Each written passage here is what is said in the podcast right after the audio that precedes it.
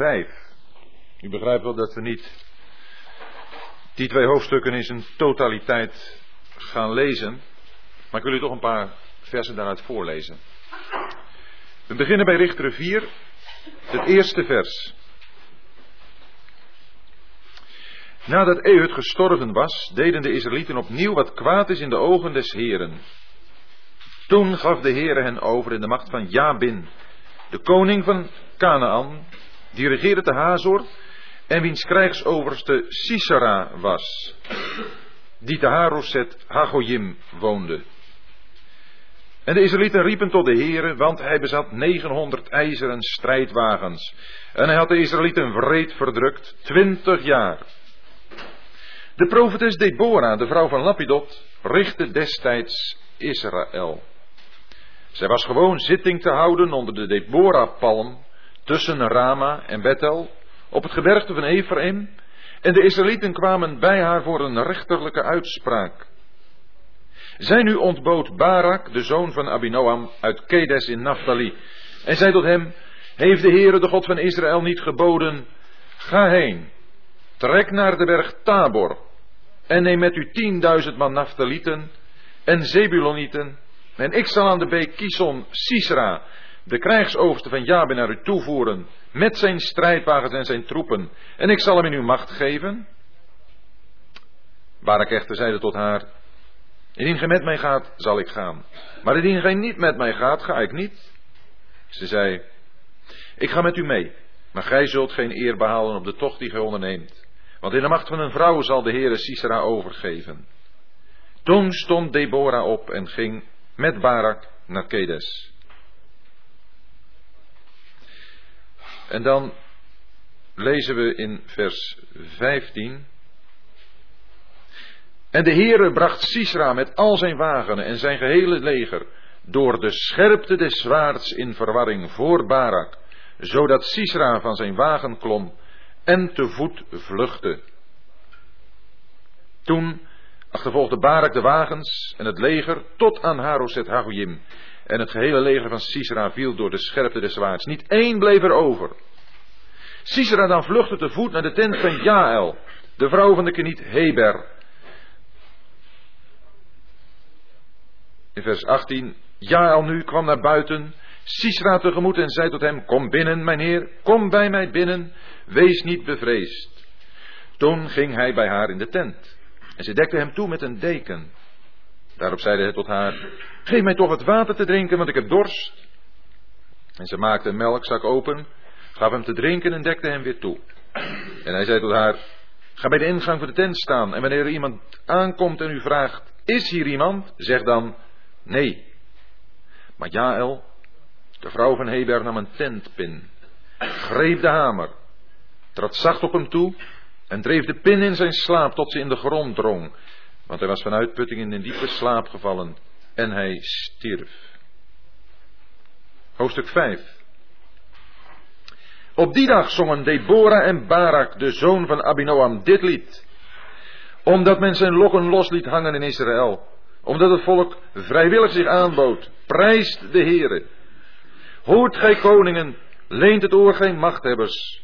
Ik wil, ja, ik wil voor de Heere zingen. Psalm zingen voor de Heere, de God van Israël. Vers 6.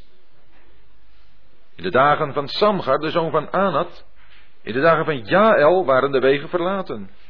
En wie op weg moesten zijn, gingen kronkelende zijpaden. Leiders ontbraken in Israël. Ja, zij ontbraken. Totdat ik opstond, Deborah, opstond als een moeder in Israël vers 12. Waak op, waak op, Deborah, waak op, waak op, zing een lied. Sta op, Barak, en voer uw krijgsgevangenen weg, gij zoon van Abinoam. Toen stelde hij die ontkomen waren als heersers over edelen. Het volk des Heren deed hij voor mij heersen als helden. Uit Ephraim kwamen zij, wie woonplaats in Amalek ligt, in uw gevolg. Benjamin met uw scharen. Uit Magier daalden aanvoerders af en uit Zebulon dragers van de werversstaf. Ook vorsten van Issachar met Deborah. En als Issachar, zo ook Barak. Achter hem aan stormde men het dal in. Onder de geslachten van Ruben waren de overleggingen vele. Waarom bleef gij zitten tussen de veestallen, al luisterend naar het fluitspel bij de kudden? Onder de geslachten van Ruben waren de overleggingen vele. Gilead bleef rustig aan de overzijde van de Jordaan. En dan, waarom toefde het bij de schepen? Aser zat aan het strand van de beide zee, bleef rustig wonen aan zijn zeeboezems.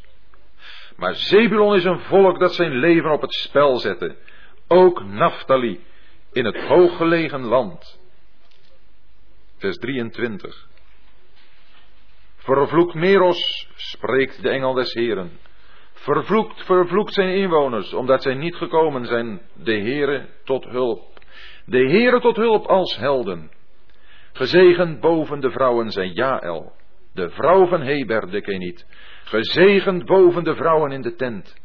Water vroeg hij, melk gaf zij. In een kostbare schaal reikte zij room. Haar hand strekte zij uit naar de pin, haar rechterhand naar de hamer der werklieden. En zij hamert op Sisera, doornagelt zijn hoofd, verbrijzelt en doorboort zijn slaap. Tussen haar voeten kromp hij in een, viel en lag daar. Tussen haar voeten kromp hij ineen en viel. Waar hij ineen kromp, daar viel hij, overweldigd. Vers 31. Zo zullen omkomen al uw vijanden, o Heere, maar die hem liefhebben, zijn als de opgaande zon in haar kracht.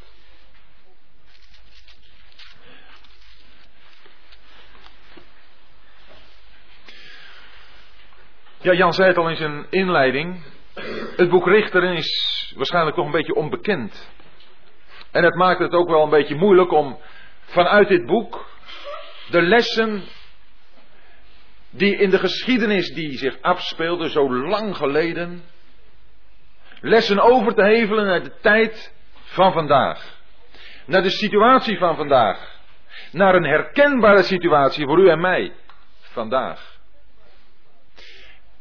En om daarvoor open te staan, denk ik dat het belangrijk is dat ook voor u het persoonlijk geldt. Dat u ervan overtuigd bent, wat in 1 Korinthe staat, dat alles wat hun, de Israëlieten, overkomen is, dat het hun overkomen is tot lering voor ons. Op wie de einden van de eeuwen gekomen zijn. God heeft deze geschiedenissen zo laten gebeuren, dat u en ik er anno 1995 het geestelijk profijt van zouden kunnen trekken. Want we hebben het niet zomaar over een stukje vaderlandse geschiedenis van Israël. Maar we hebben het over dingen waarin God een betekenis heeft gelegd. En nu is het maar de vraag of u en ik openstaan daarvoor. Of wij ons willen laten onderwijzen door Gods woord. En een van de dingen die belangrijk zijn bij het verstaan van wat God in deze geschiedenis ons te zeggen heeft, is dat waar Israël te maken had met een aardse vijand, Israël een aards volk was, Israël aardse zegeningen had, de gelovigen van het Nieuwe Testament, die tot de gemeente behoren, te maken hebben met geestelijke vijanden. Met geestelijke zegeningen. Want de gemeente is een hemels volk.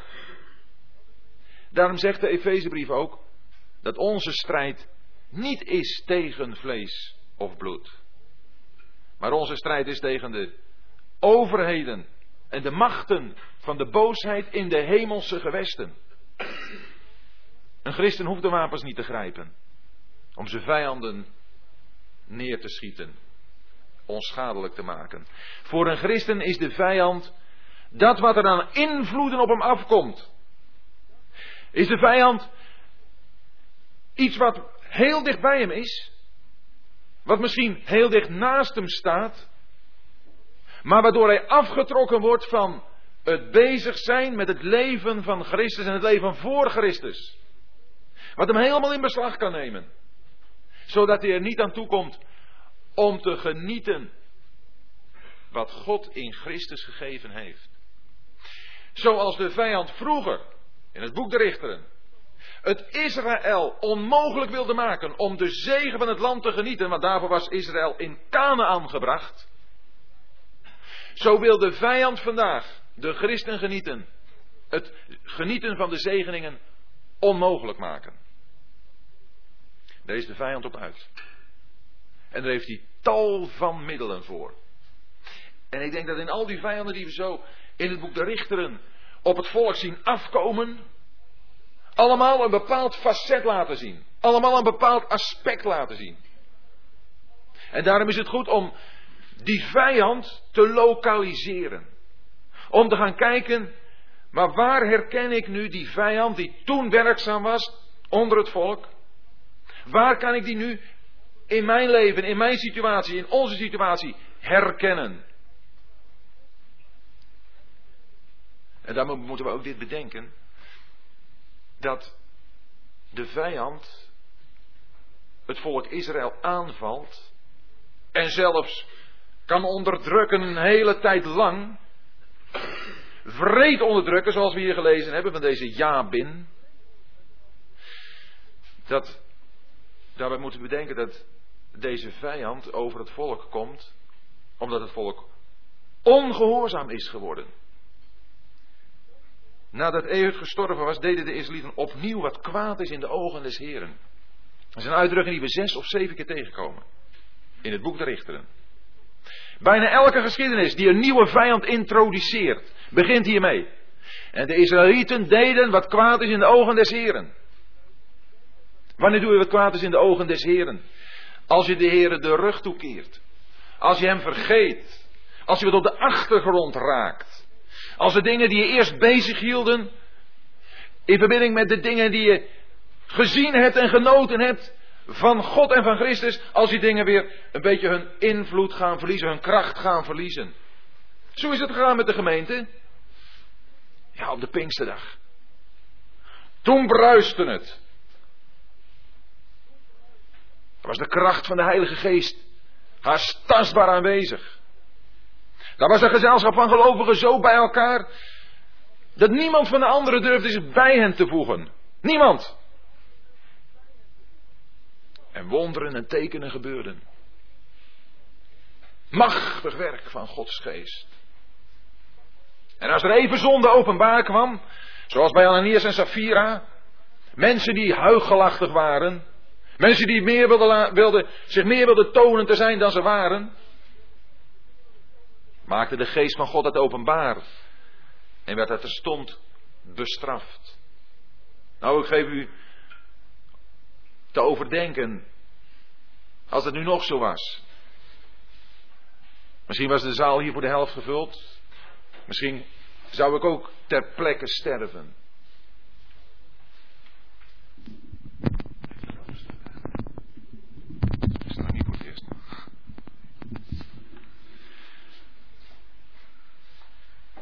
Toen was de geest van God machtig werkzaam. Er werd elke zonde die openbaar was terstond bestraft. Dat is nu lang niet meer zo.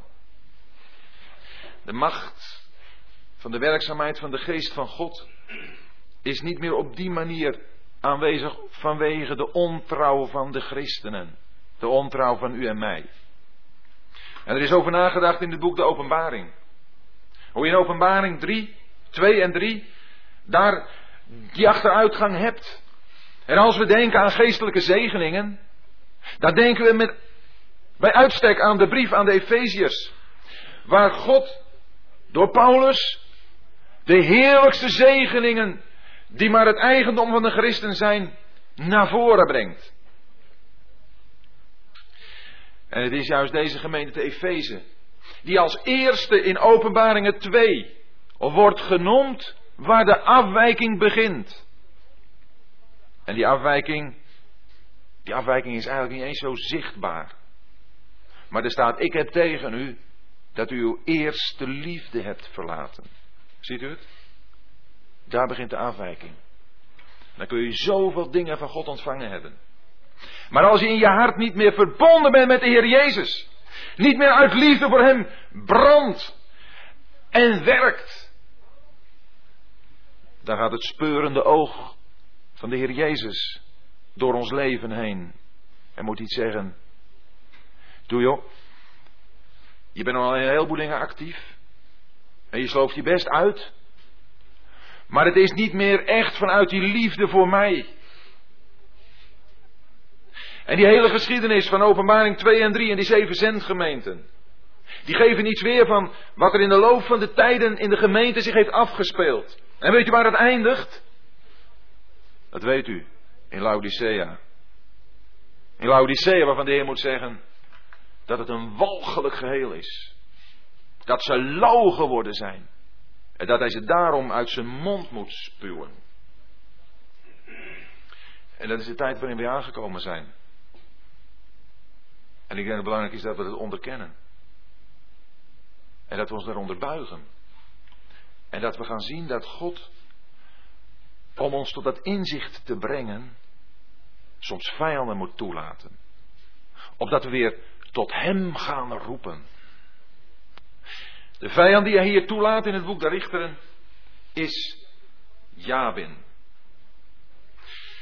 Ik moet u nog even iets vertellen als het gaat om hoe je die dingen moet toepassen. Waaraan je nu kunt gaan zien wat de geestelijke betekenis is van de vijand die we hier hebben. En dat ik dat niet uit mijn duim zuig, wil ik u toch proberen duidelijk te maken. Dat we in de betekenis van de namen die we hebben, juist in het Oude Testament, vaak hele duidelijke aanwijzingen hebben over de manier waarop wij deze gedeelte mogen lezen. En daarvoor wil ik u graag iets voorlezen, of liever nog samen met u lezen, uit de brief aan de Hebreeën. Uit Hebreeën, hoofdstuk 7.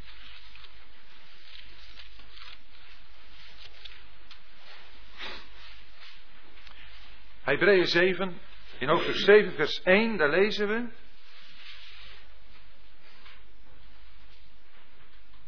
Want deze Melchizedek, koning van Salem, en dan krijgen we in vers 2 in het midden, was in de eerste plaats naar de betekenis van zijn naam koning der gerechtigheid en vervolgens ook koning van Salem, dat is koning van de vrede. Hey. Ik denk dat we hier een heel belangrijk beginsel hebben. Dat de namen in de Bijbel een betekenis hebben.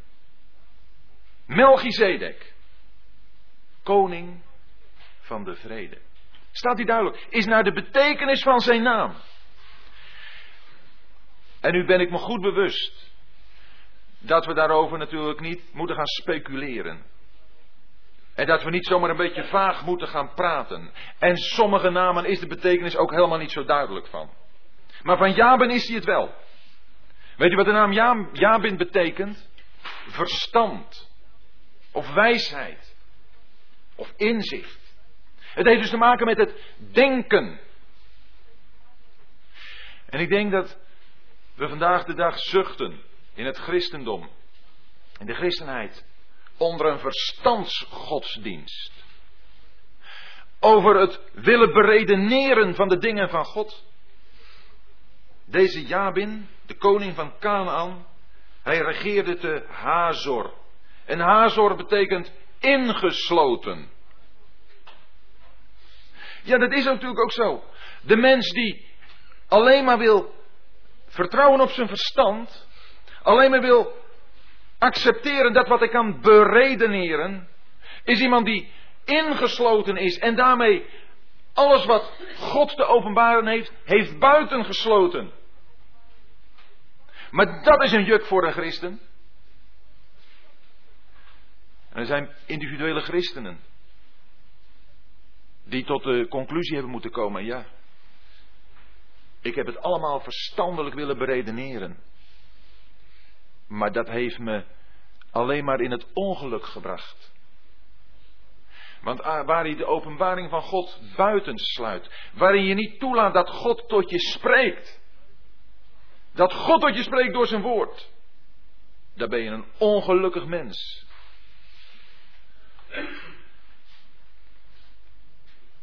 En dan moet je ertoe komen om te gaan roepen tot God.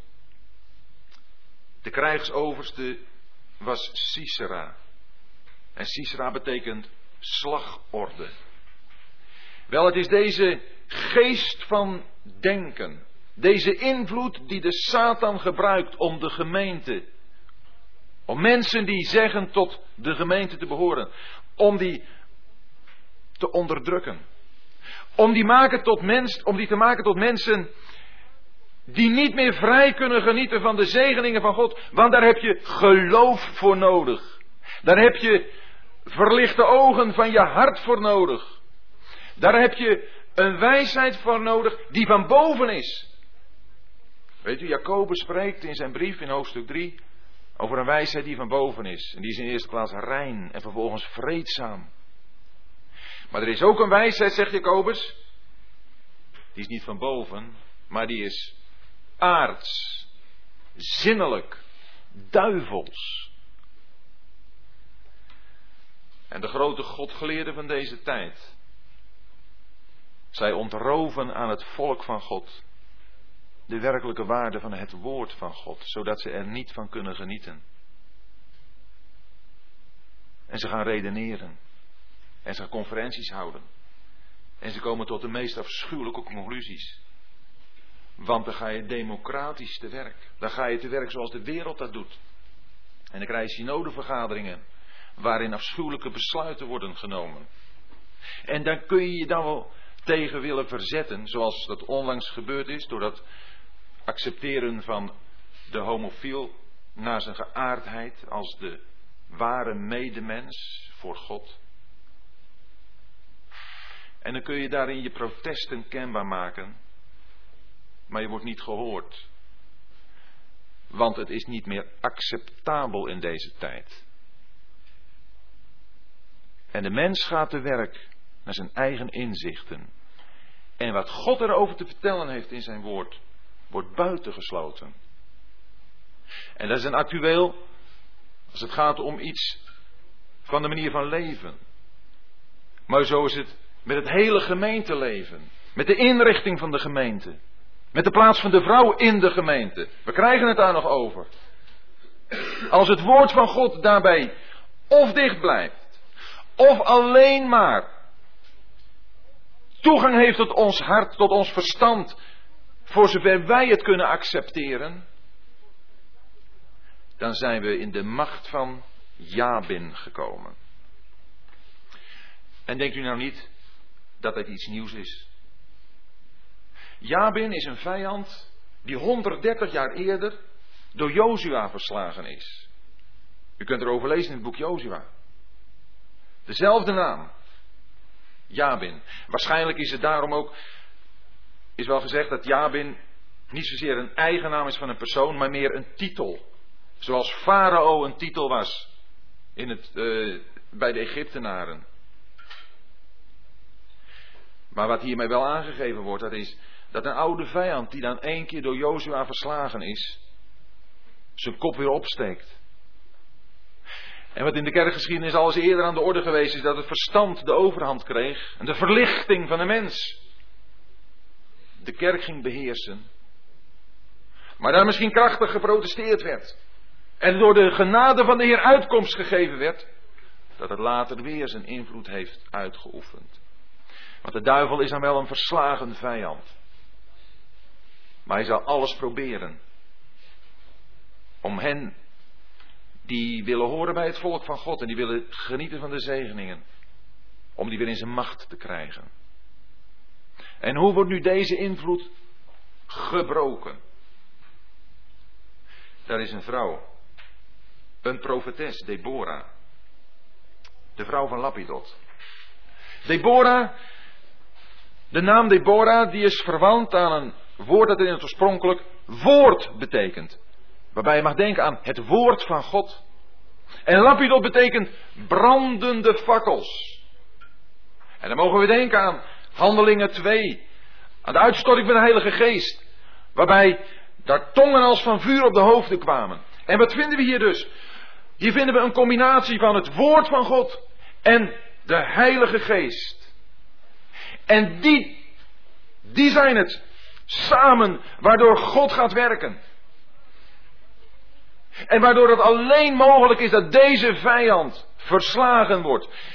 En als er bij u en bij mij dingen zijn waardoor we ons verstand te veel eer betonen, waardoor we niet meer openstaan voor de zegeningen van God, waardoor we zelfs zullen ervaren dat er onderdrukking is, waardoor we gaan roepen tot God, dan is er maar één manier waardoor we weer die zegeningen van God kunnen gaan genieten. En dat is door het woord van God. En door de kracht van de Heilige Geest. Deborah was een profetes. En het Nieuwe Testament maakt ons duidelijk wat profeteren is. Profeteren, het is, zegt 1 Korinthe 14. En nu bedoel ik profeteren in de gemeente. Tot stichting, vermaning en vertroosting. Profeteren is natuurlijk ook het voorspellen van de toekomst. Maar als het erom gaat dat het woord van God wordt toegepast, op hart en geweten, waardoor je jezelf in het licht van God geplaatst ziet, waardoor je omstandigheden in het licht van God gaat zien en, en gaat beseffen hoe je bezig bent, dan is het dat woord als profetisch woord. En het is hier een vrouw, het is Deborah. We kennen ook andere profetessen, toch? Mirjam was ook een profetes. Hulda was een profetes.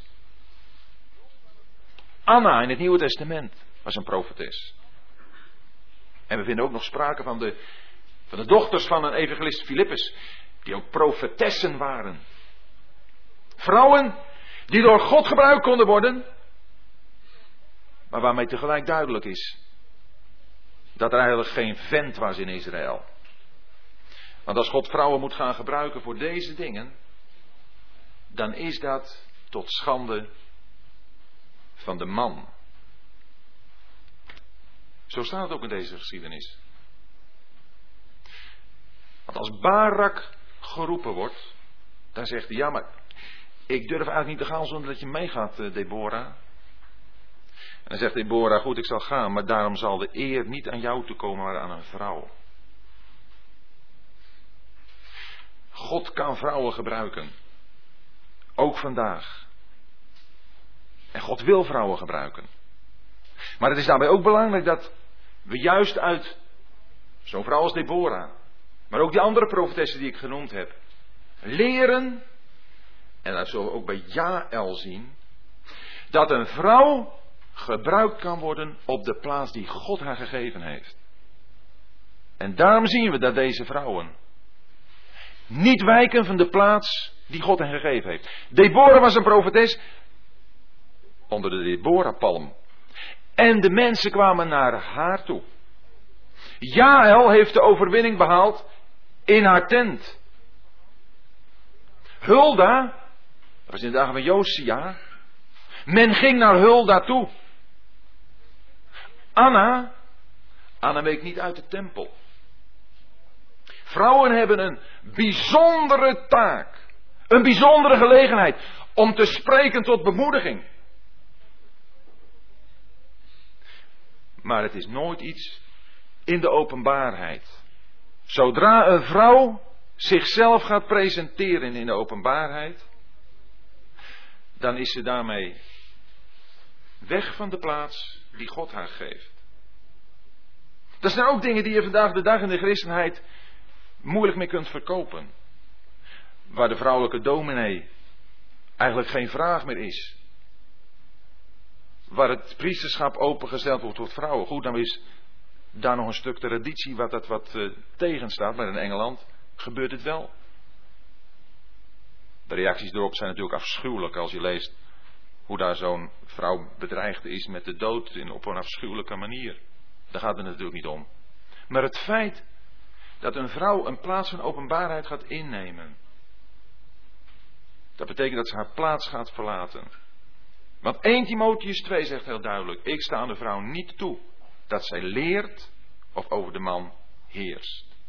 Maar zij moet stil zijn en onderdanig. En ook 1 Korinthe 11 maakt heel duidelijk wat de plaats van de vrouw is. Maar op haar eigen plaats functioneert ze zo als geen man dat kan doen. En kan ze het woord van God spreken als een profeet. Als iemand die dat woord van God kan toepassen. En ik hoop en ik wens dat we meer vrouwen krijgen van dat kaliber. Want daar hebben we behoefte aan. Vrouwen die spreken met het woord van God. Deborah deed dat. Zij zat er onder de palmboom. Tussen Rama en Bethel. Ja, ook prachtige betekenis deze namen. Rama, dat betekent verheven. Dat is hoog. Deborah was een vrouw als het ware die op de hoogte van Gods gedachten zich bewoog. Tussen Rama en Bethel. En Bethel, dat is ons allemaal wel duidelijk. Denk ik, als u hier wat vaker gekomen bent. Dan hebt u daar wel eens iets eerder over gehoord. Maar ook in het boek Genesis kunt u dat lezen. Bethel betekent huis van God. De gedachten van God. Zijn voornemens, zijn plannen. En het huis van God op aarde. De gemeente. Daartussen, daar zit Deborah. Met andere woorden, ze kent haar plaats in Christus. In de hemel. Voor God. En ze weet haar plaats in de gemeente. Ze kent Gods gedachten over het huis van God. U begrijpt, ik vertaal het allemaal naar de tijd van vandaag. Als u daar vragen over hebt dadelijk, moet u ze wel stellen. Want ik ben me bewust dat ik soms een beetje te snel in mijn gedachten ga, dat u me zou kunnen volgen. Maar het zijn zulke belangrijke dingen die te maken hebben met de geschiedenis die we hier voor, voor ons vinden. De Israëlieten kwamen bij haar voor een rechterlijke uitspraak. En dan ontbiedt ze Barak. Letterlijk staat er ze zond heen en liet Barak halen. Met andere woorden, Deborah, die had iemand die beschikbaar was om Barak te gaan halen. Die persoon wordt helemaal niet hier genoemd. Maar het is belangrijk om, om zo iemand te zijn. Om iemand te zijn die, die zich door Deborah, door het woord, laat sturen. Om een Barak te halen. De zoon van Abinoam uit Kedes in Naphtali. En zei tot hem: Heeft de Heere, de God van Israël, niet geboden? Ga heen. Trek naar de berg Tabor. En Tabor betekent voornemen. Ga heen, trek naar de berg Tabor. En neem met u tienduizend man Naftalieten. En Zebulonieten. En ik zal aan de beek Kison Sisra, de krijgsoverste van Jabe, naar u toevoeren. Met zijn strijdwagens en zijn troepen. En ik zal hem in uw macht geven. Ja, wat is dat nou voor een schitterende boodschap die Barak krijgt? Barak, jongen, je moet naar de berg Tabor gaan. En je moet gaan vechten. Maar de uitkomst is al zeker, Barak. Want ik zal ervoor zorgen dat er van Sisra niets overblijft. Kijk, dat is nu wat je in het woord van God kunt lezen. Wat het woord van God je bekend maakt. Als je naar de berg Tabor gaat. Als je je gaat verdiepen in het voornemen van God. Kent u het voornemen van God?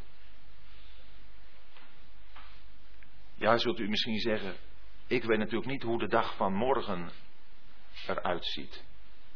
Nee, maar kent u het voornemen van God? Weet u wat Gods voornemen is? Om vandaag, u, die hier zit,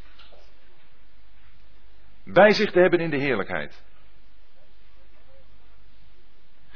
En om vandaag u die hier zit, te gebruiken in zijn dienst. En om als u zich overgeeft aan hem en in zijn dienst, dat hij u overwinningen gaat geven. Maar dan moet je wel beschikbaar zijn. Wil u dat? Wil jij dat? God wil het. En God zegt: Kom op. Kom op de berg Tabor. Ga eens denken aan mijn voornemen. Weet u, wij zijn van die mensen, mensjes zou je haast zeggen, die gaan zitten rekenen. Ja, maar dan moet ik dit laten en dan kan ik dat niet meer doen. En dan moet ik daar afstand van nemen. En wat zal me dat niet voor schade opleveren? En trouwens, wie ben ik eigenlijk? Kan ik het wel? En zie je op de omstandigheden. En dan ben je van die berg Tabor zo naar onderen geroetst. En dan zit je weer onder in de put. In de prut. Dan kom je er niet uit. Naar boven. Naar de berg Tabor. Naar het voornemen van God. En daar hoor je dat God je wil gebruiken. En dat God je de overwinning wil geven. Tja, zei Barak. Toch zie ik er nog tegenop hoor. Deborah, je moet mee. Goed, zei Deborah, ik ga mee.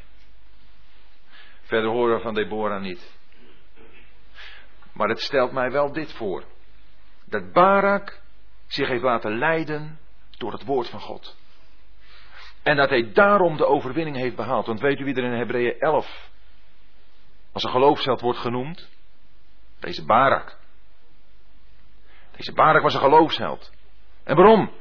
Ja, het is natuurlijk toch niet niks om met een legertje van 10.000 man zo'n menigte van vijanden te lijf te moeten gaan. Die ook nog eens even een aantal van die ijzeren strijdwagens hadden. Maar Barak gaat. En als dan zo Barak is uitgetrokken, dan lezen we in vers 12 hoe dat Sisera, als hij gehoord heeft dat Barak, de zoon van Abinoam, de berg Tabor bezet had. Hé, hey, hey, weer zoiets moois, hè?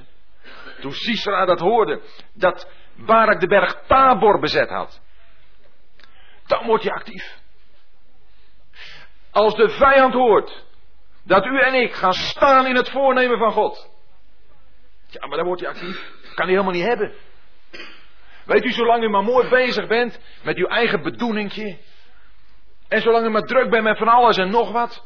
En daarbij toch niet te veel denkt aan God en aan de dingen die God fijn vindt en voor u heeft klaar liggen. Oh, dan is de vijand best tevreden, zeg.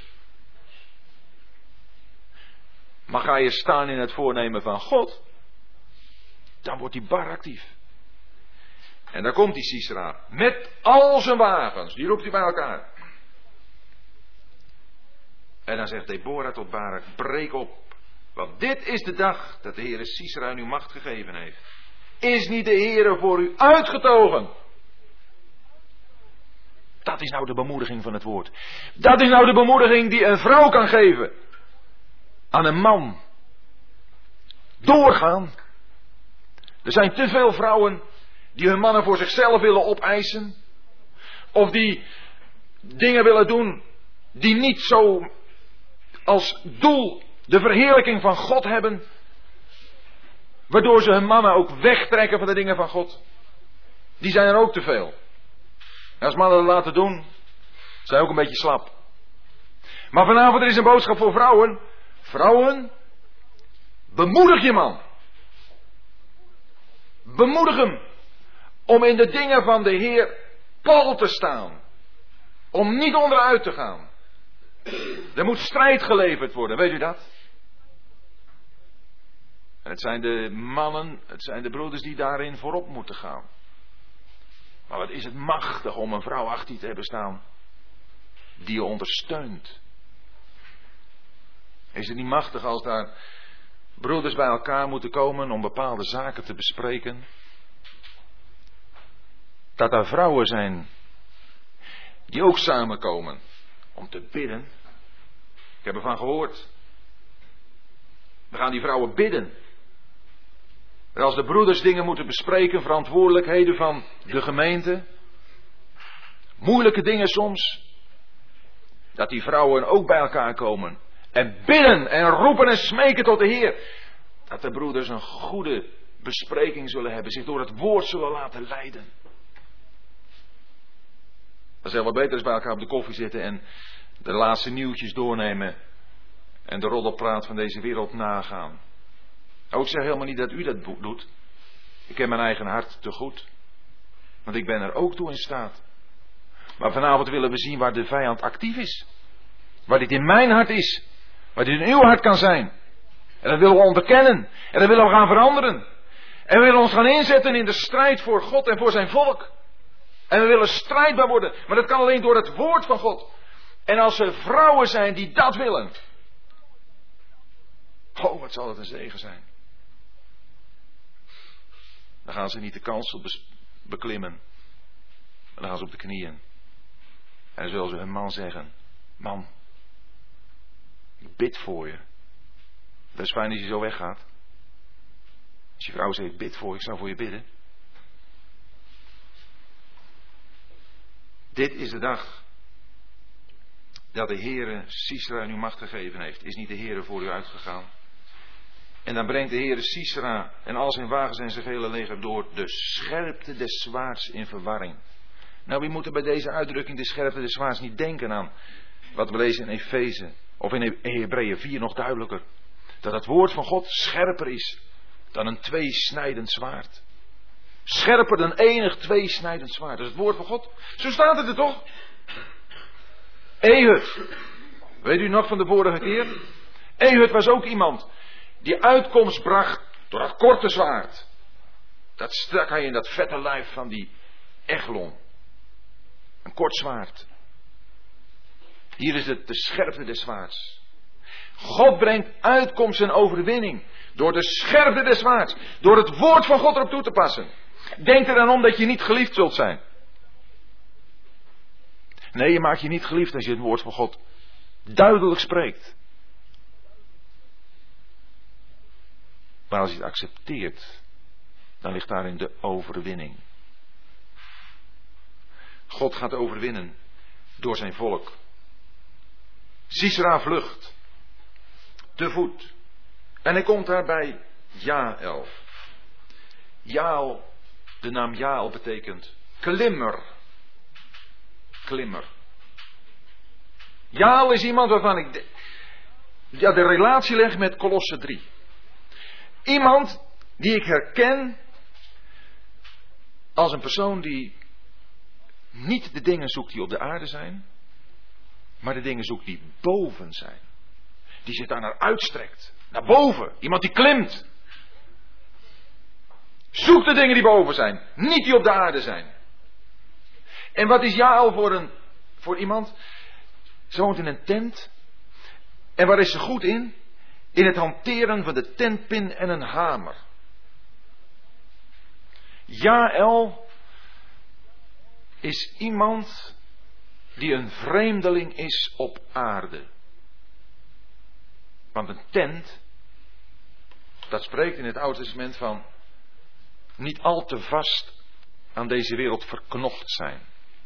Een tent, die breek je af, neem op je schouder, je schokt een eentje verder en die zet je weer neer. En je slaat de pinnen er weer in, totdat je weer om moet breken. Nou, eigenlijk is ons leven ook toch wel een beetje zo, hoop ik. Dat, dat we zijn als mensen die. We moeten hier wel in deze wereld zijn. En we hebben een taak in deze wereld. Maar onze verblijfplaats is niet hier. Dat is alleen maar tijdelijk. Het moment komt dat de Heer Jezus komt. En dan trekken we zo op. Ik tenminste hoop ik. Dat u allemaal meegaat. Is ieder die hier zit. Zich bewust. van het feit dat. dat hij een kind van God is? Of, of zit er dan iemand over zijn zonden in? Iemand die toch denkt, ja, als ik nou hoor over de komst van Christus, zou ik dan wel meegaan? Dan hoop ik dat u toch vanavond, nu op uw stoel eigenlijk, in eenvoudig en oprecht gebed tot God richt en zegt, oh God wees mij zondaar genadig. Meer is niet nodig. Als je dat eerlijk bidt, ben je vanavond behouden. En als de Heer Jezus nu komt, ga je mee. Want hij kan eigenlijk ook op een ogenblik komen. Maar je leven wordt wel anders. Want je leven heeft niet meer een doel hier op aarde, maar een doel in de hemel. En wat je hier op aarde leeft. Ja, Paulus zegt: Wat ik leef, dat leef ik door het geloof in de Zoon van God die mij heeft liefgehad. En zichzelf voor mij heeft overgegeven. Dan krijg je leven een inhoud, mensen. Daar heeft de wereld geen weet van. Maar het is voor degenen die God lief hebben, alles. Dat leven is Christus en Christus alleen. Maar in hem heb je dan ook alles, want Colosse 2 zegt, in hem zijn alle schatten van wijsheid en kennis verborgen. Ik snap die mensen niet. Ik las het pas in een boek van David Wilkerson. Ken u hem? David Wilkerson? Prachtman. Hij zei, ik snap die mensen niet. Die zeggen dat je niet de hele dag in de Bijbel kunt zitten lezen. Maar mensen, wat doe je dan? Is de Bijbel, is het woord van God ook alles? Oh, er zijn nog heel veel andere dingen te doen. Maar het zijn allemaal van die excuses. Ja, jongens, je moet toch nuchter wezen? We leven toch in deze wereld? En zo zitten mensen maar uren achter hun tv. En de miljoenen om hen heen gaan verloren. Hebben we niks anders te doen? Christus. Met hem bezig zijn. Hem uitleven.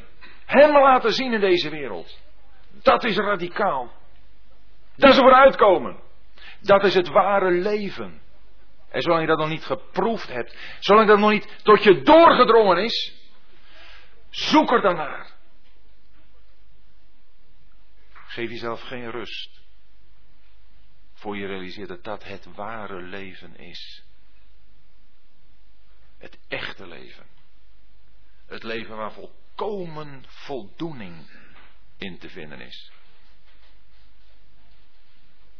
Al wat in de wereld is, zegt Johannes in zijn eerste brief.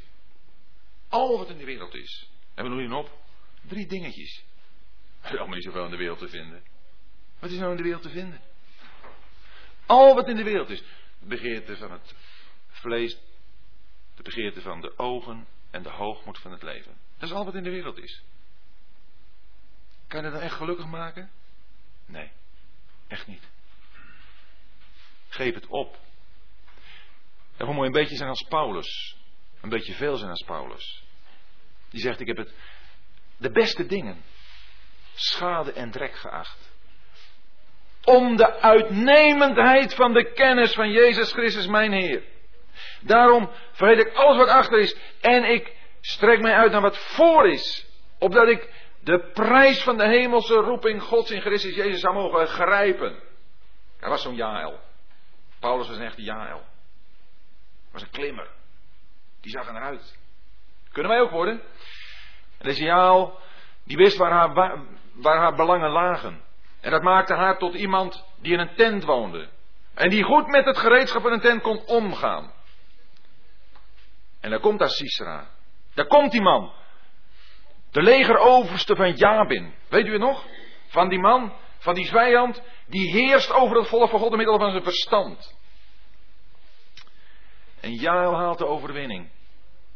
In haar tent, thuis. Heel eenvoudig. Heel rustig. Door een haam. ijzige rust. En ze doet dat met grote zekerheid. Ze slaap. Daar waar zijn gedachten zitten. Daar waar een mens zijn gedachtenwereld zich beweegt. Waar zijn verstand zit. Voor Jaal was het niet moeilijk om te weten hoe ze Sisra moest doden. Deze vijand van het volk. En ze wist ook waarmee ze het moest doen. En weet u waarmee wij de vijand, die machtige vijand, een dodelijke slag toebrengen? Dat is door als vreemdelingen en bijwoners te leven. Door ons niet met de politiek van deze wereld bezig te houden, maar door ons bezig te houden, wat de naam Ja al zegt, met de dingen die boven zijn. En als je zo leeft, dan heeft dat zijn effect in het leven van elke dag. In de meest gewone dingen. En dan zul je in de meest gewone dingen van het leven juist de vijand kunnen verslaan. Want het gaat helemaal niet om indrukwekkende dingen. Om machtige zaken die indruk maken bij de mensen. Het gaat erom dat we in trouw en eenvoud voor God en voor de Heer Jezus leven. Daar gaat het om. En dan halen we overwinningen. U, jij en ik. En zo haalt deze Jaal de overwinning. En als een Barak daar komt, dan kan ze hem de vijand wijzen. Ik zal u tonen de man die u zoekt. Zegt vers 22. Toen trad hij bij haar binnen. En zie, Sisera lag dood met de pin in zijn slaap. Voor ons persoonlijk is het ook belangrijk.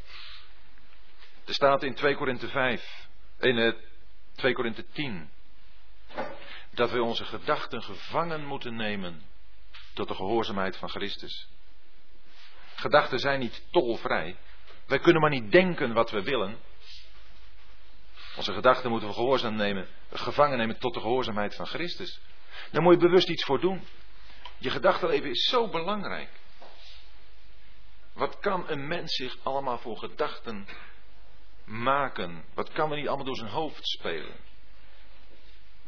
Ik was onlangs bij een, een echtpaar waarvan de man het heel moeilijk had met zijn gedachtenleven. Omdat in zijn gedachtenleven zich altijd seksuele zonden afspeelden. En daar kon hij maar niet goed los van komen. Toen heb ik onder andere, deze, onder andere deze tekst voorgehouden. Dat je ook verantwoordelijk bent hoe je met je gedachtenleven omgaat.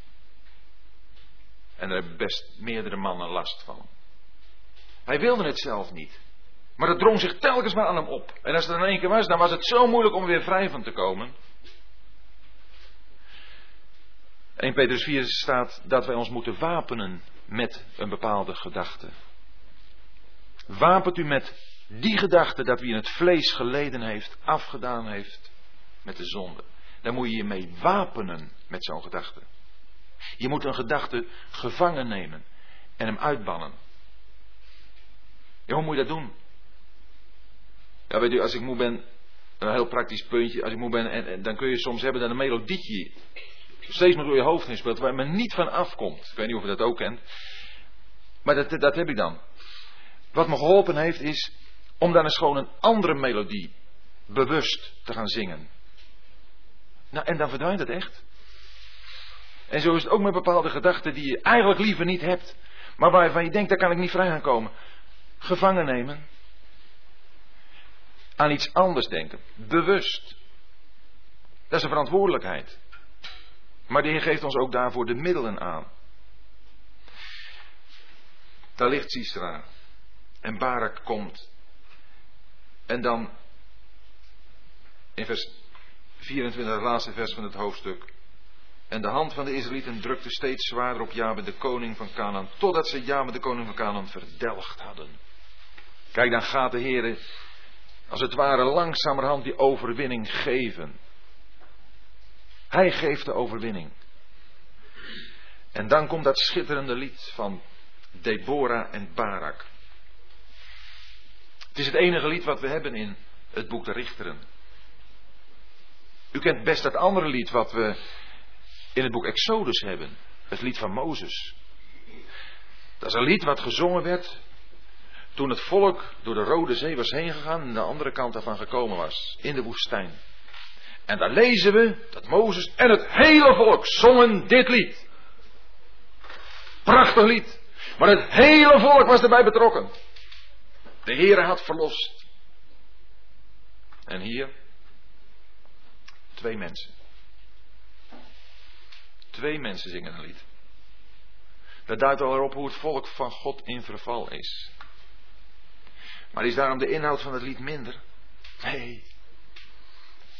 Nee hoor, de liederen die we zingen, daar gaat, het bij, daar gaat het helemaal niet bij om het aantal. Het gaat niet om massa-meetings. Om zoveel mogelijk bij elkaar te hebben en om daar maar lofliederen te zingen.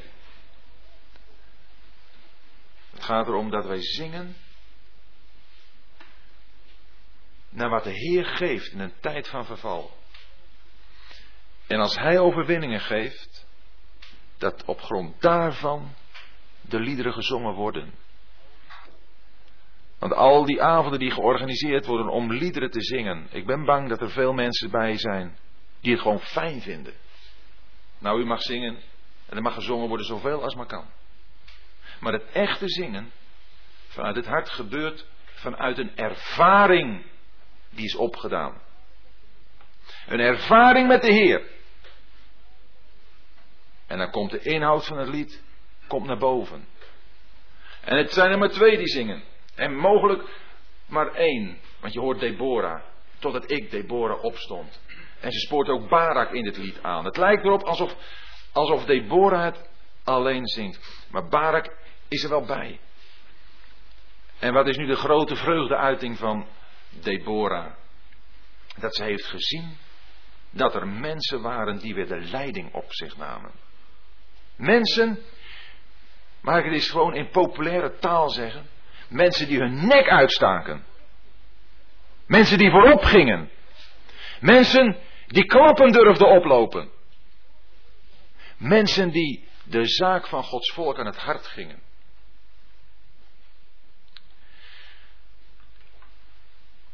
Toen die leiders er waren en zich vrijwillig aanboden, let u op dat woord, vrijwillig. Er is hier niemand vanavond tegen wie gezegd wordt, en jij moet dat doen. Werkt niet.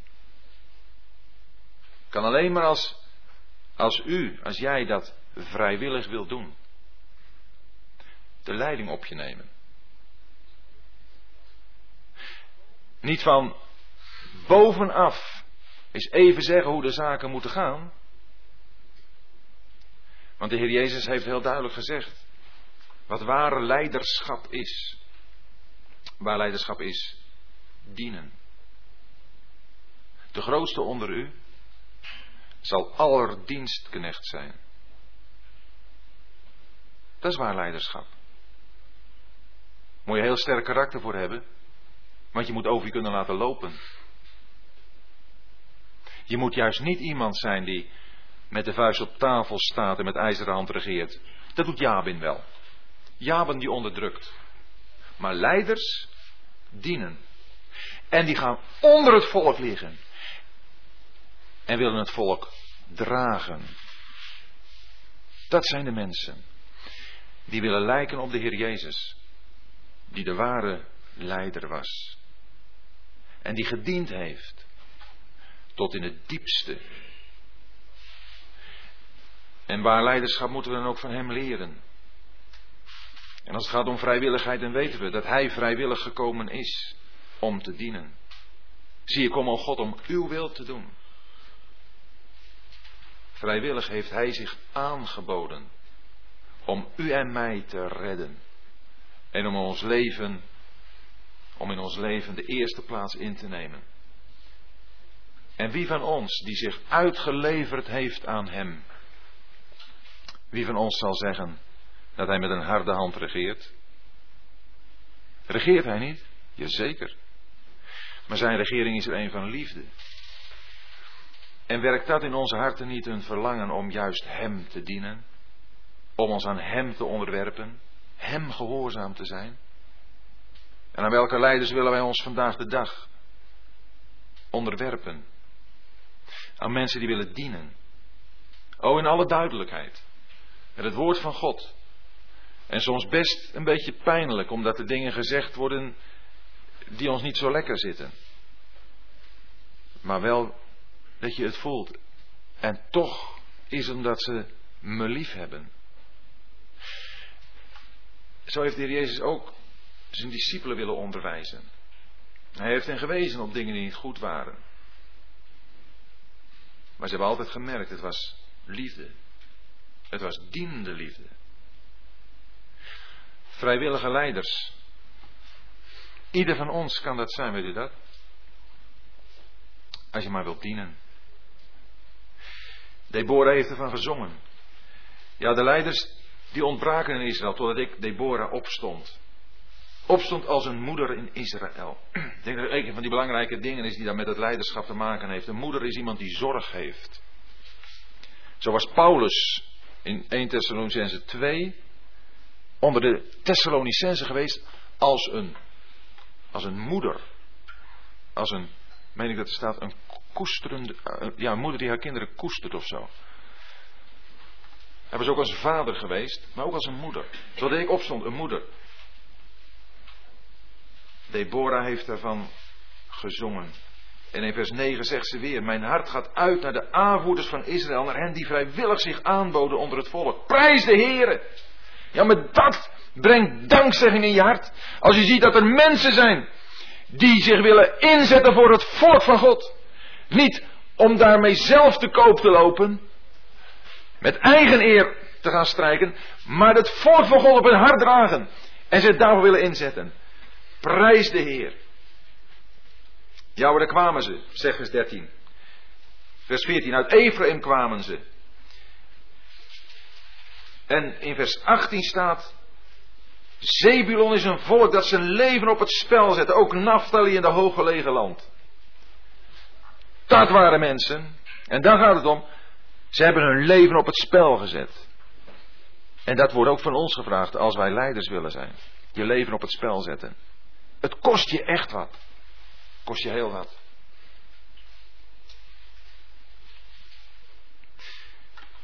Of zouden we lijken op, op Ruben? Ruben, daarvan staat in vers 15 in het midden. Achter hem aan stormen de dal in. Onder de geslachten van Ruben waren de overleggingen vele.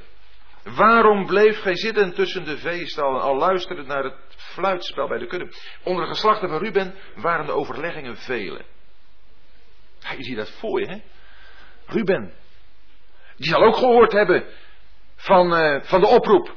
Ruben, die heeft in elk geval ook gezucht onder, onder die overheersing. Of misschien niet zo sterk als Zebulon en Naphtali. Maar ja goed, het was toch een broedervolk, nietwaar? Ruben die zat aan de andere kant van de Jordaan. Daar had hij ook zelf gekozen hoor. Weet je wel, 2,5 stam. Die wilde niet mee de Jordaan over het land in. Dat waren Ruben en Gad en de halve stam van Manasse. En die bleven daar. Waarom? Ze hadden veel vee. En er was prachtig veel gras daar. Maar weet je, als je het goed op aarde hebt. Als je zo goed hebt. In het leven. Met, met ja, allerlei dingen die je, die je hebt. Om dan zo, zo dat onbekende tegemoet te gaan, dat land in te trekken, strijd te leveren en, en al die zegeningen in bezit te nemen.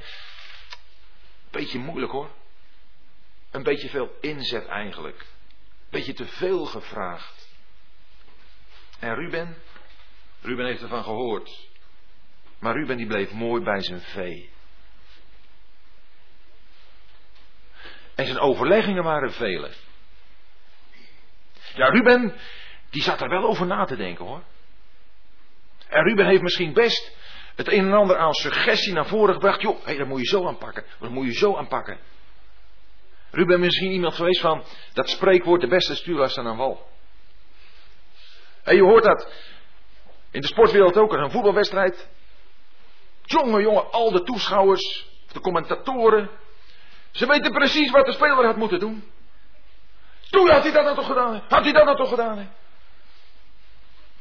Maar zelf in het spel. Zelf in de strijd. Echt wat anders. Ja, wij kunnen ook zo onze, onze visie hebben op een bepaalde zaak. Daar kunnen we heel duur over praten. Maar actie als er van ons gevraagd wordt. Nee, weet je, ik heb toch even wat anders te doen. Ja, ik heb er zo mijn mening over hoor. Maar ik heb, uh, nee, om, om me nou zo verder mee bezig te houden. Ik, nee. Ruben bleef een vee. En Gilead. Gilead bleef rustig aan de overzijde van de Jordaan. En dan, waarom toefde het bij schepen? Azer zat aan het strand van de Wilde Zee, bleef rustig wonen aan zijn zeeboezems. Allemaal het rustige. Oh, heerlijk rustig, joh. Lekker aan het strand zitten. Beetje handel, drijven, goed verdienen. Hebben de schepen, de handel. Er zijn zoveel interessante dingen, leuke dingen in deze wereld. Je vakantie natuurlijk. Ja, twee of drie keer op een jaar tegenwoordig. He, wintersport, zomervakantie. En lekker relaxen. En we vinden dat we het allemaal zo nodig hebben. Nou, gewoon iedereen zijn vakantie. Als u met de wintersport gaat, hoop ik dat u het heel fijn hebt. Maar ik hoop wel dat het is om de accu eruit op te laden. Om er daarna weer een beetje meer tegenaan te kunnen. Want de Heer zegt natuurlijk wel tegen de discipelen, komt hier bij mij en rust een weinig. We mogen rust hebben. Als het maar rust is met de Heer. Maar niet zoals deze stammen. Die zich aan de strijd ontrokken en lus, rustig heerlijk rustig in hun eigen bedoelingje bleven zitten. En dat is net niet de bedoeling. En Meros die wordt zelfs vervloekt. Zegt vers 23. Meros vervloekt.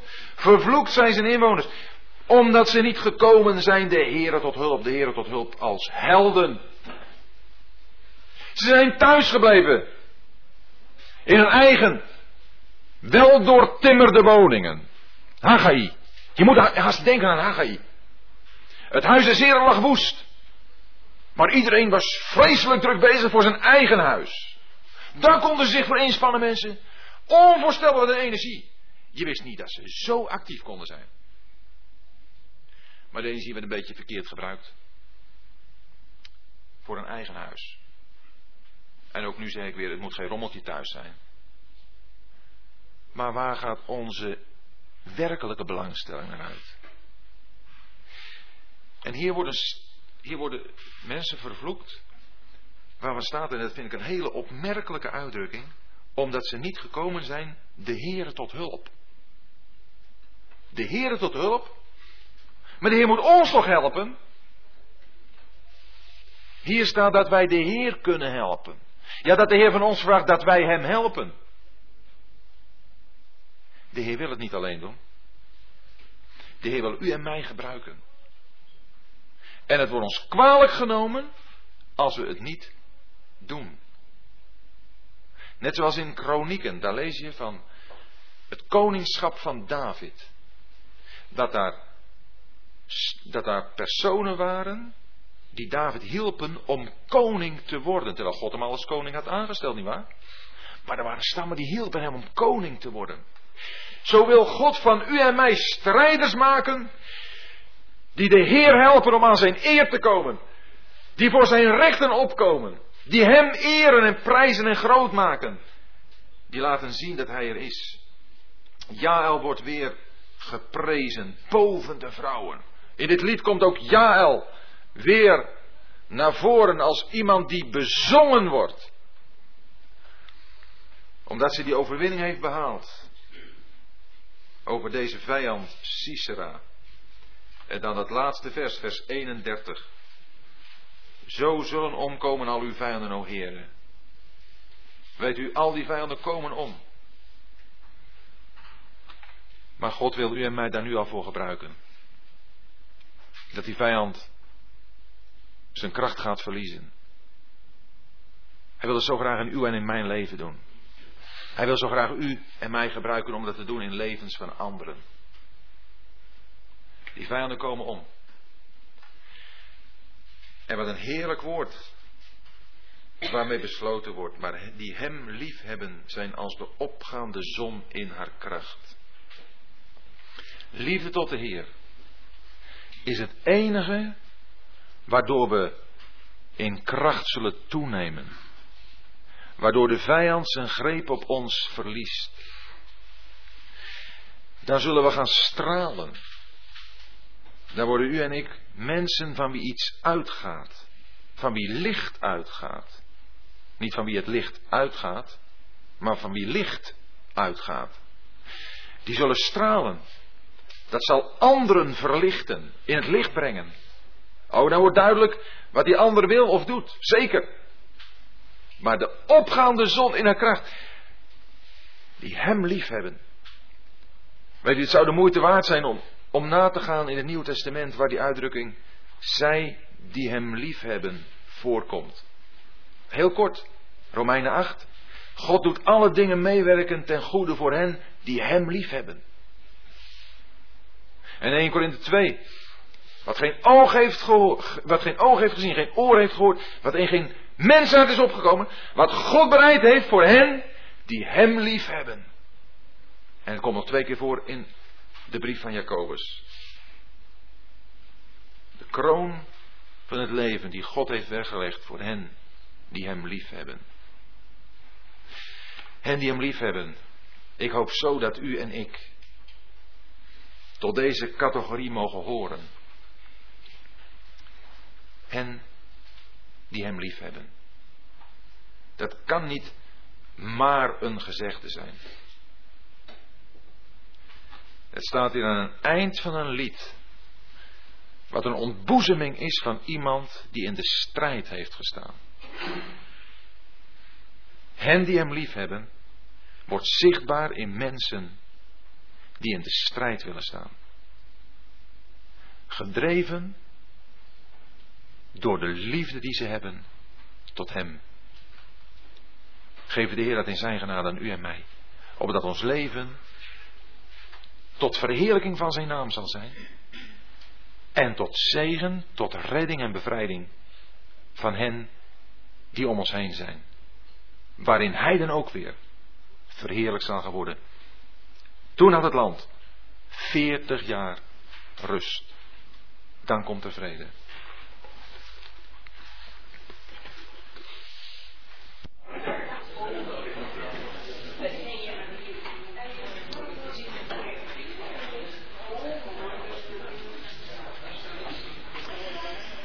Ik heb dus, zoals Jan zei, geen uh, schriftelijke vragen gekregen, maar het gezelschap is me hier zo uh, gemoedelijk dat ik uh, de vorige keren al begrepen heb dat er echt geen schroom is om een mondelingenvraag te stellen. En zo niet, dan wou ik graag nog even een paar dingetjes zeggen, naar aanleiding van van het boek Richteren. Maar goed, eerst die mondelinge vragen. Nou, ik kan alleen maar zeggen dat ik het een hele goede lezing vond. En ik heb veel geleerd, ook van de betekenissen en juist dat toegepast op die hele geschiedenis. Ja, ben blij dat ik al was. Ja, nou dank u. Maar dat is alleen maar van de Heer hoor. Ik bedoel. Uh... Ja, en het is niet, niet uh, een nederige hoogmoed heb je ook, maar uh, we zijn de Heer er met elkaar dankbaar voor, want we genieten er samen van. Dat moet ik u echt zeggen, dat als je ergens bent in een gezelschap waarvan je merkt dat er warme aandacht is, dan uh, is het helemaal niet belangrijk wie er spreekt, maar dan geniet je samen van het woord van God. Dan doe je samen ervaringen op met de Heer. En het is echt een wisselwerking hoor. Wat dat betreft kan ik u ook bedanken voor uw aandacht. Ik bedoel, dat is net zoveel waard. In de goede zin van het woord. Dus uh, het is fijn om samen bezig te zijn met de dingen van de Heer.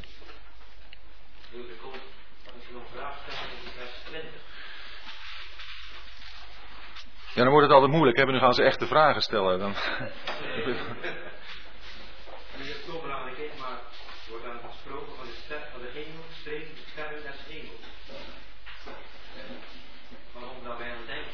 Ja. Nou, ik, ik, uh, ik zal u vertellen de verklaring die ik gelezen heb over de manier waarop de Heer de overwinning gaf dat werd ook een klein beetje uh, ja, met een slag om de arm gezegd, omdat een paar of meerdere versen in het hoofdstuk heel moeilijk te vertalen zijn.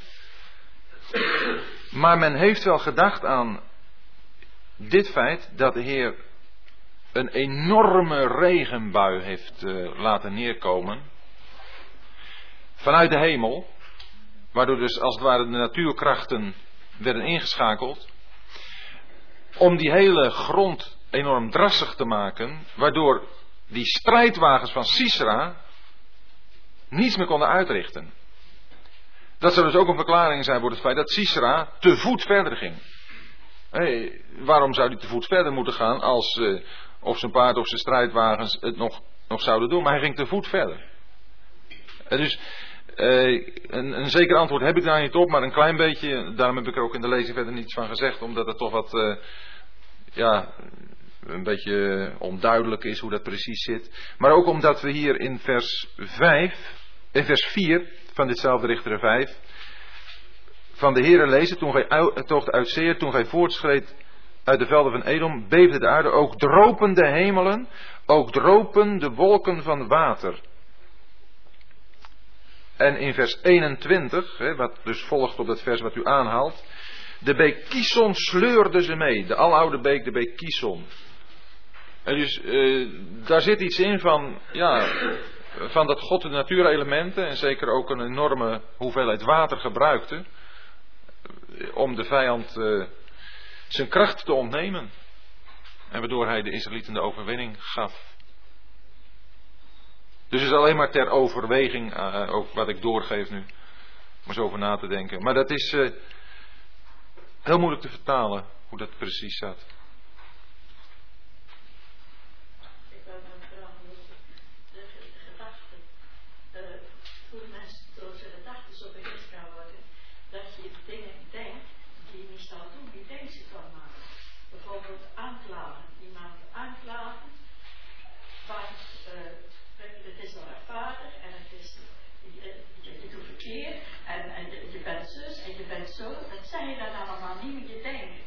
kwam als de lawine soms op je aan. Al die uh, lelijke dingen die je niet zegt, maar wel denkt. En waar je dan soms van gaat, dan zegt ze weer, dat wil ik niet denken. Uh, dat wil ik niet, maar het komt als ware vanzelf. Ja. En dat vind ik erg moeilijk. Ja. Ja, ik, ik heb dat ook even aangehaald. En uh, ik, ik onderken dat ook voor mezelf. Hè, dat je bestormd kunt worden van gedachten. Waar je maar niet vrij van kunt komen kan zelfs zo ver gaan dat je daar overspannen van kunt raken. En dat, uh, dat bedoel ik heel serieus. Wanneer iemand in zo'n situatie geraakt, dan moet je natuurlijk niet gaan zeggen: uh, Toe joh, zet het allemaal eens even van je af. En dat zou net hetzelfde wezen als iemand met een gebroken been vertelt: van joh, loop eens even normaal. Dat kan niet. Dan is iemand zo ver dat hij daarin niet meer op de gebruikelijke manier kan worden aangesproken. Moeten we zelf goed oog voor houden. Maar zolang we nog eh, wat dat betreft gezond kunnen denken, maar gewoon last hebben van die aanvallen van de vijand, denk dat het belangrijk is dat we proberen die gedachten toch naar de Heer toe te brengen. Door te geven aan de Heer. Daarbij je niet laat ontmoedigen, want dat wil de duivel je influisteren, zie je wel, zo ben je, hè? Zo zit je nou met elkaar. En gaat in een spiraal naar beneden en gaat steeds verder de put in. Luther heeft eens gezegd: uh, als er een, een, vogel over mijn hoofd vliegt en die laat iets op mijn hoofd vallen, daar kan ik niks aan doen.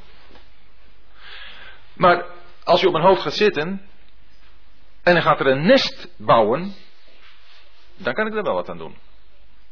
Met andere woorden, er kunnen gewoon dingen op ons afkomen waar je niets aan kunt doen.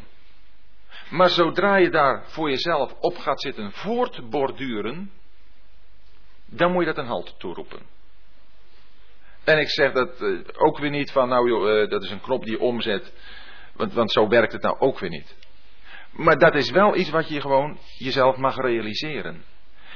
Ik heb toch de mogelijkheid, als het gaat om verkeerde gedachten, om die gedachten te veroordelen en weg te doen. Gewoon te zeggen de Heer, ja Heer, hier ben ik weer. Maar ik wil het weer zeggen, het is bemis, maar ik wil het weer anders gaan doen. En ik heb het al eerder verteld. Als het, gaat, als het zonde zou zijn, maar goed, laten we zeggen dat het verkeerd is, dan mag je zelfs tot zevenmaal, zeventig maal naar de Heer toe. Als Petrus zegt, Heer, hoe vaak moet ik mijn broeder vergeven? Tot zevenmaal. Dan zegt de Heer niet tot zevenmaal, maar tot zeventig maal zevenmaal per dag. 490 keer moet ik mijn broeder vergeven, zegt de Heer tegen Petrus. Nou zou God minder zijn dan hij van mij vraagt te zijn tegenover een mens. Zo mogen we ook naar God gaan. Telkens opnieuw. En de duivel wil ons, wil, wil ons laten geloven ja, dat je bij God eigenlijk niet meer moet aankomen na de zoveelste keer. Maar dat wil hij. Je wil gewoon dat je God uit de buurt gaat. Uh, dat je bij God uit de buurt blijft. Dus elke keer opnieuw naar God toe. En dan zul je merken dat hij er is en helpt. En proberen toch met de dingen van de Heer bezig te zijn. Dus toch je stille tijd te nemen, rustig wat te lezen, te bidden. Hoewel ook dan uh, het best zo kan zijn dat als je gaat bidden, juist die gedachten op je afkomen. Ja, ja, ik weet het. Ik ken het ook. Ja, ja, nee. Ja. het is toch zo belangrijk. Ja. Nee, nee. En, en als je gewoon eens uh, heel moe bent of wat dan ook en het wil gewoon niet zo lukken, ja, dan, dan, zou ik zeggen, ga je wat boodschappen doen. Maar als je moe bent, is dat ook wel wat moeilijk. Maar toch is dan ook even iets van ontspanning ook best even goed. En want het hoeft niet altijd te zitten in het. Uh, dat klinkt misschien wat gek, in het maar lezen en lezen en lezen. Want dat kan dan op een bepaalde manier een krant gaan worden. We kunnen niet genoeg lezen. Maar er is ook een stukje van ontspanning wel eens nodig. Maar het is zoals gezegd, de Heer zegt, komt hier bij mij en rust een weinig. Dus een beetje. Met mate. Ja, dat, uh, dat hoort er dan ook bij. Maar over het algemeen zal het toch zo zijn dat hoe meer we, en dat geldt zeker voor de jonge mensen, hoe meer je in je jeugd met de dingen van de Heer bezig bent, des te meer zul je merken dat ook als je ouder wordt, dat zijn voordelen heeft. Vaak hoor je toch ook wel van mensen die wat gaan dementeren. Als ze vroeger heel veel met de dingen van de Heer bezig geweest zijn, dat dat de dingen zijn die blijven zitten hoor. Zingen, teksten, leer maar teksten uit je hoofd. Je hebt je verstand, een jong verstand, dat leert goed. er zijn hele memorisatieplannen. Nou, leer zoveel mogelijk teksten uit je hoofd. Want dat is zo wezenlijk. Je doet al je best om, om zoveel van de kennis van deze wereld in je hoofd te stampen, omdat je zoveel moet weten. Het moet ook nu eenmaal. Maar vergeet alsjeblieft niet om ook de kennis van het woord van God tot je eigendom te maken. En als het dan eerst eens een klein beetje in je hoofd uh, zit, nou dat de zakken naar je hart, dat komt ook wel. Dat, dat blijft er dan niet buiten. En maar voed je met de dingen van de Heer. Dat is de enige garantie om ja, ook zulke gedachten te overwinnen. En ook, vooral voor jonge mensen, te voorkomen dat je door negatieve dingen in beslag genomen wordt.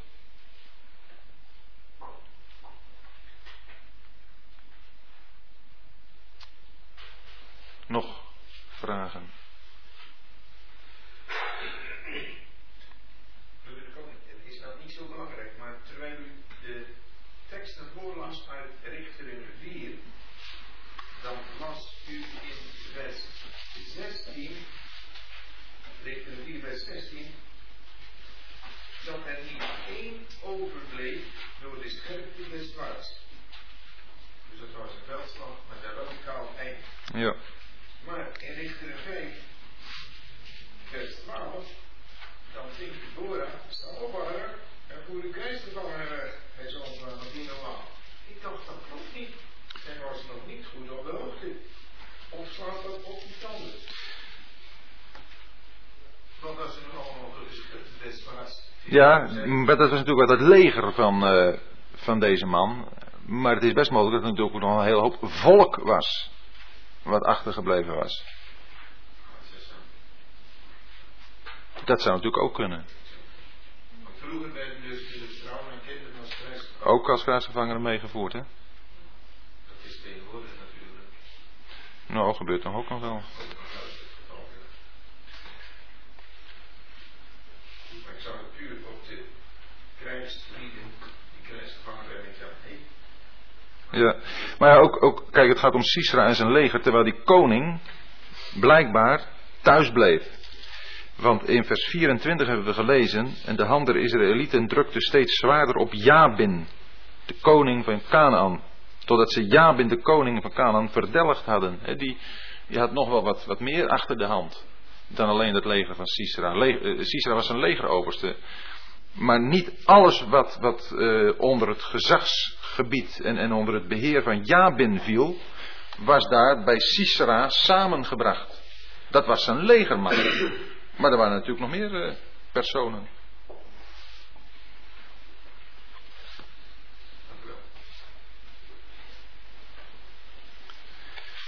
Uh, wat ik dan nog even kwijt wilde, dat is een opmerkende aanleiding van een vers uit Kolosse 4.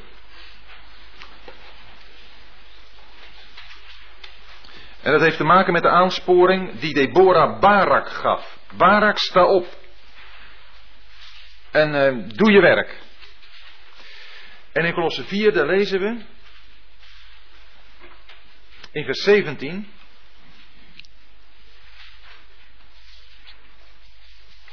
En zegt aan Archippus, Zorg ervoor dat gij de bediening die gij in de Heer ontvangen hebt ook vervult. Er zijn gelovigen die een, uh, een extra steuntje, een extra stimulans nodig hebben. Die misschien vlug wat ontmoedigd zijn, of misschien gewoon ontmoedigd zijn geraakt. En wat tegen gezegd moet worden, denk erom, je hebt een bediening in de Heer. Laatst kwam er een broeder naar me toe. Aan wie iets. Uh, die zei van ja joh, uh, ik voel me zo ontmoedigd. Ik, ik, heb vanmorgen nog gebeden. Heer, hebt u nou wat voor me te doen? En, en het lijkt wel of de Heer niks geeft. Op datzelfde moment werd hem iets gevraagd om te doen. En, en dat, dat was gelijk een hele opluchting. Ook, ook een antwoord op zijn gebed natuurlijk. Maar dat werd hem gevraagd omdat het iets was wat hij ook kon. Maar waar je op een gegeven moment zelf wat, wat, wat blind voor kunt zijn misschien. En zo is het ook goed om best eens naar elkaar te kijken. Van waarin kan hij of zij nu iets gaan betekenen? Waar liggen haar of zijn mogelijkheden, capaciteiten? We hebben allemaal, als we de Heer kennen, een bediening in de Heer ontvangen. Maar die moeten we ook wel vervullen. Het lichaam bestaat uit vele leden.